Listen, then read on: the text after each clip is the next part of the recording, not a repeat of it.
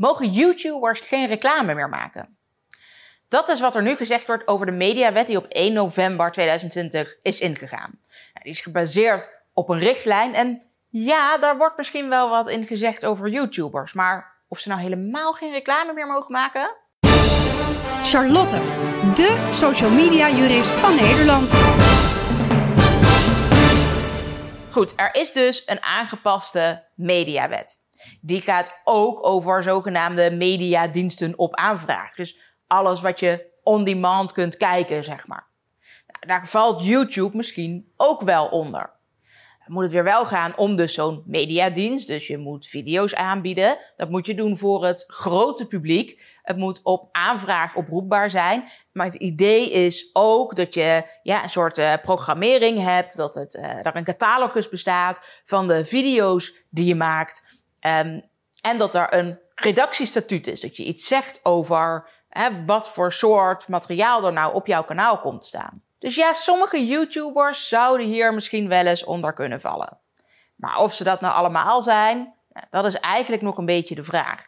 Het commissariaat voor de media vindt eigenlijk dat bijna alle YouTubers die er geld mee verdienen wel onder deze regeling vallen. Maar er is heel veel commentaar vanuit Europa en vanuit wat brancheverenigingen die over marketing en reclame gaan.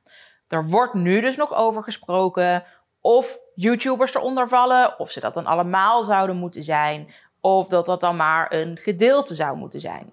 Nou, daar hopen we ongeveer in december 2020 de uitslag van te hebben. Ik kan je hier dus simpelweg nog geen zekerheid over geven.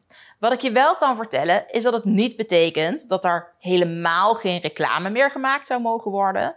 Maar dat je het eigenlijk meer zou moeten zien als dat je de regels gelijk getrokken worden met die voor omroepen. Dat betekent dat sluikreclame dus sowieso niet meer mag. Dat product placement duidelijker aangegeven moet worden. Dat alle reclame eigenlijk duidelijker herkenbaar moet zijn. En dat er vooral veel strengere regels zijn voor reclame gericht op kinderen. Nou, dat heeft veel impact voor YouTubers. En dus misschien voor jou ook wel. Want zelfs als jij je niet heel specifiek op kinderen richt, kan het toch wel eens zijn dat je wel onder die regels valt als heel veel kinderen naar jouw video's kijken.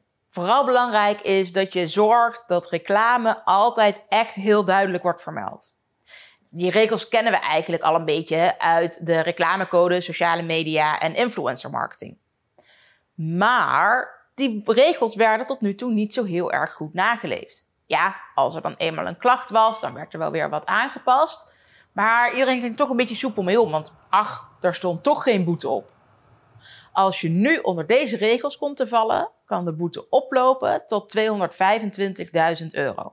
Verder moet je ook nog aan wat andere ja, administratieve lasten gaan voldoen als dit allemaal zo blijkt te zijn dat YouTubers onder deze regel gaan vallen. Je moet een redactiestatuut gaan maken, bijvoorbeeld.